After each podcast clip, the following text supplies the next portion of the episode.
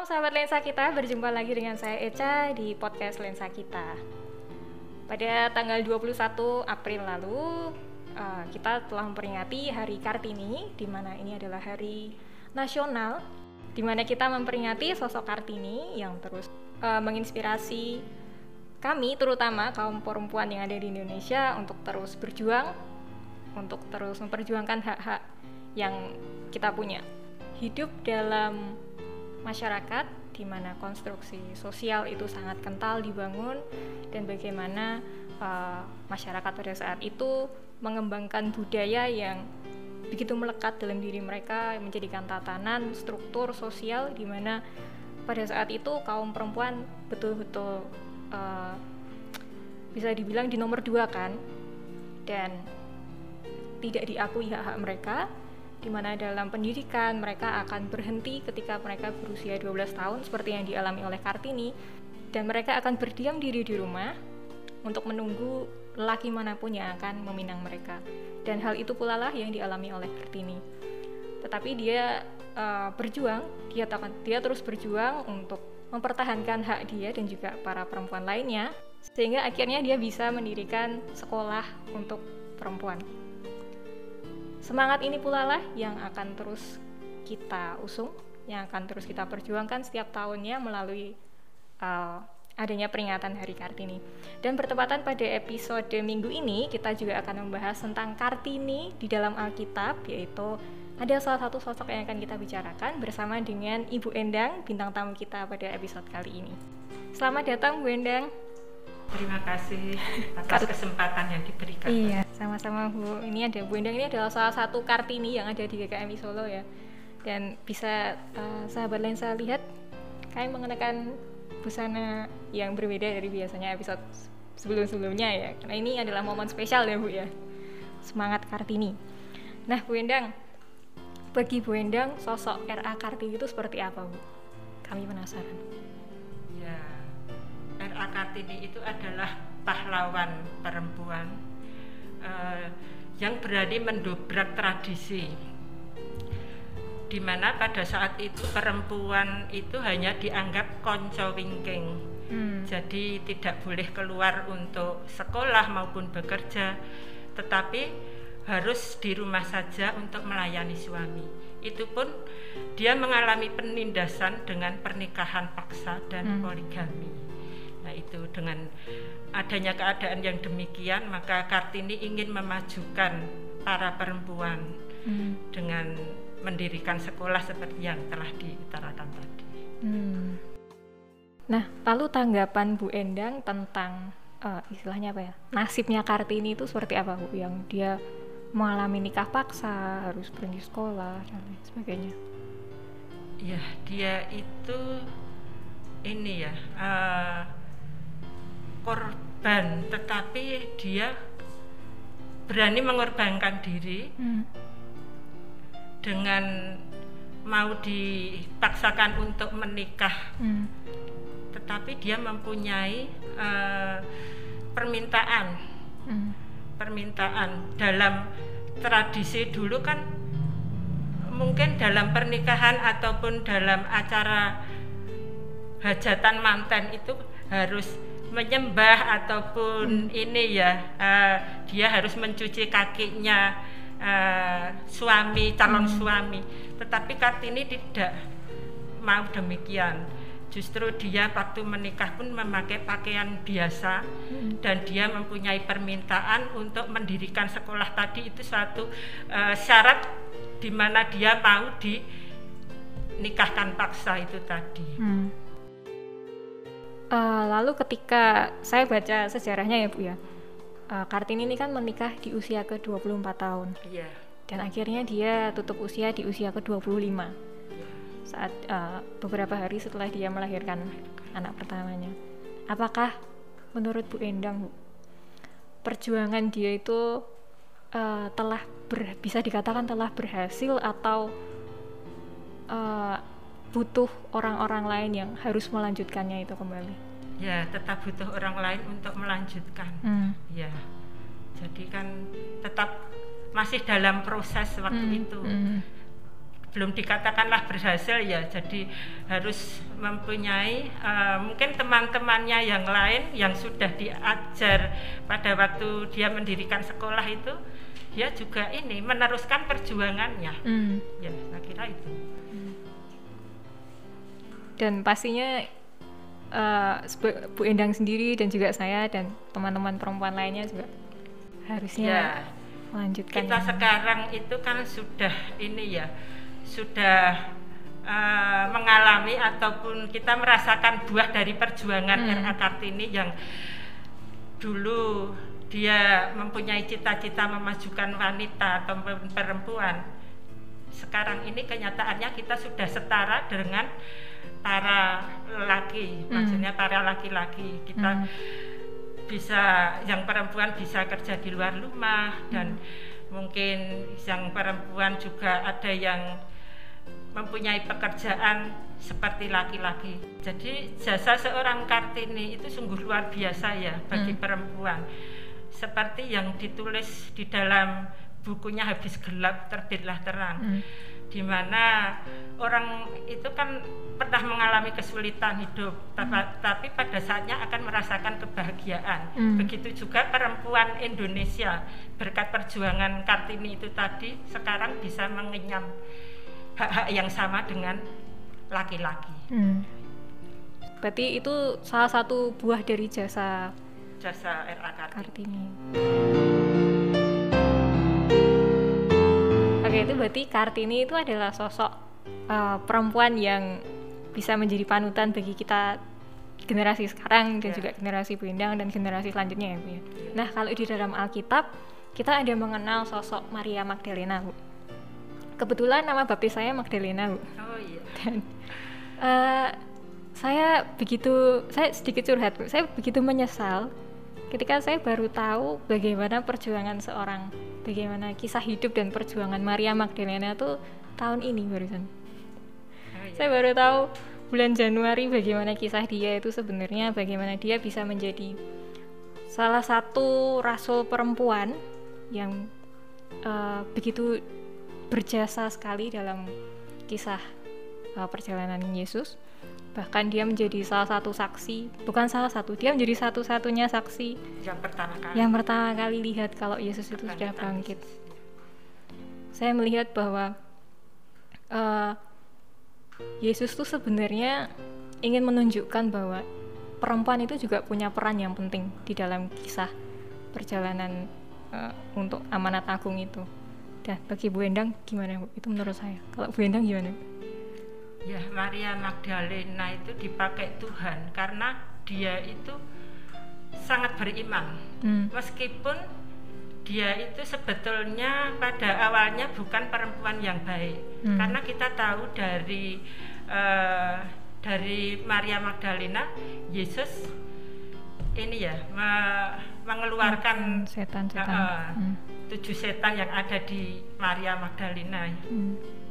Tetapi setelah dia disembuhkan dan mengenal Yesus, Maria Magdalena itu sangat peduli sekali dengan Yesus. Itu uh, pada waktu Yesus disalibkan di Golgota sampai dikuburkan dan pada saatnya Yesus bangkit, Maria Magdalena peduli sekali terhadap perjalanan Yesus. Hmm. Bahkan dia selalu ada ya. Ya, selalu ada di situ. Di setiap uh, mulai dari Yesus di arah-arah itu ya, ya Via Dolorosa itu ketika dia disalibkan, mati dan akhirnya uh, dikuburkan itu Maria Magdalena ada di setiap perjalanan itu.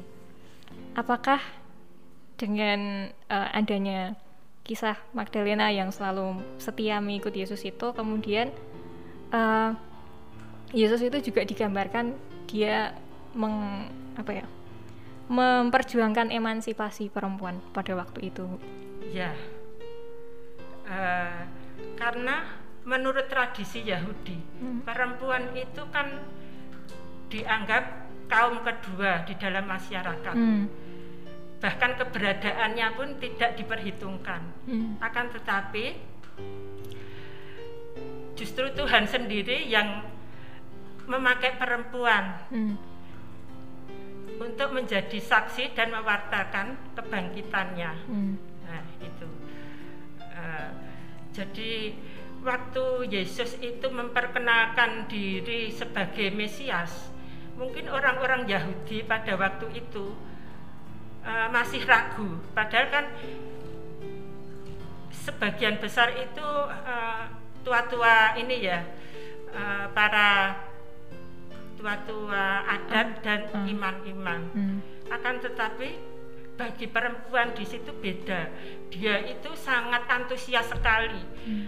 di dalam mendengarkan kabar atau kabar baik tentang Yesus itu tadi.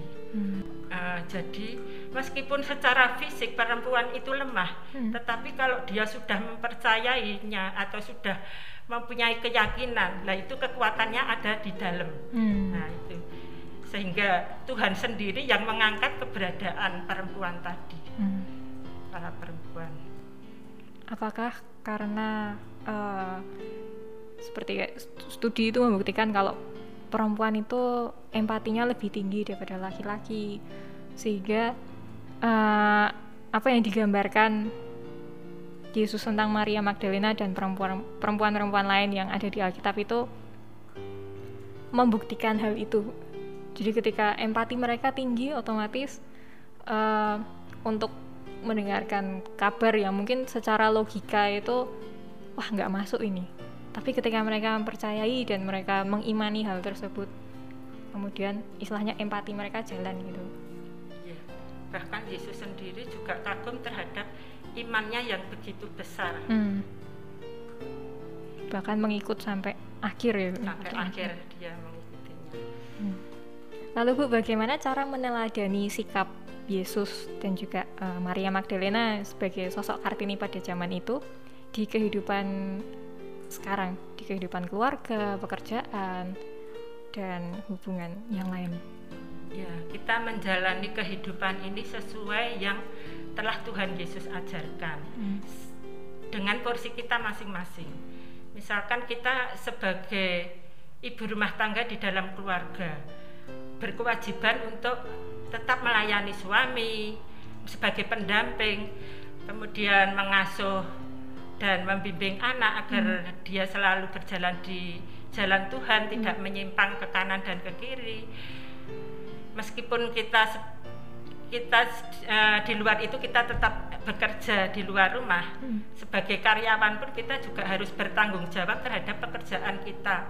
Hmm. Jadi tidak sedikit-sedikit kita izin dengan alasan di rumah repot gitu karena perempuan yang bekerja itu kan sudah menjadi pilihan ya hmm. tetapi uh, kalau kita sudah berumah tangga izin dan pengertian dari suami itu juga menentukan dan penting sekali hmm. karena kita terutama yang bekerja atau beraktivitas di luar rumah itu kan berinteraksi dengan banyak orang hmm. dengan berbagai kalangan jadi kita harus bisa menempatkan diri dan uh, membawakan diri di mana kita mungkin ya tadi urus tentang urusan pekerjaan kita harus jalan dengan teman kita laki-laki hmm.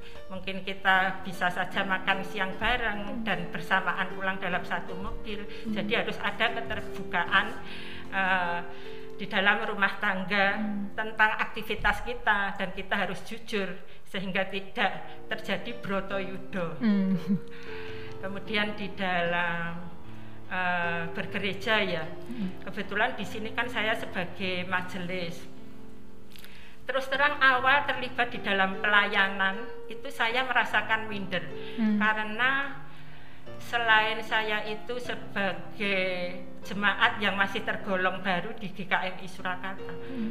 Terus terang saya itu orangnya kurang pede hmm. dan groginan. Ini Bu bisa berarti udah pede dan tidak grogi. Ini juga gemeter.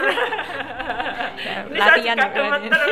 Saya juga nih iya eh, groginan ya itu hmm, saya. hmm. jadi dalam hati itu saya begini apakah saya ini mampu mengemban tugas tapi kembali kepada ini tadi karena panggilan.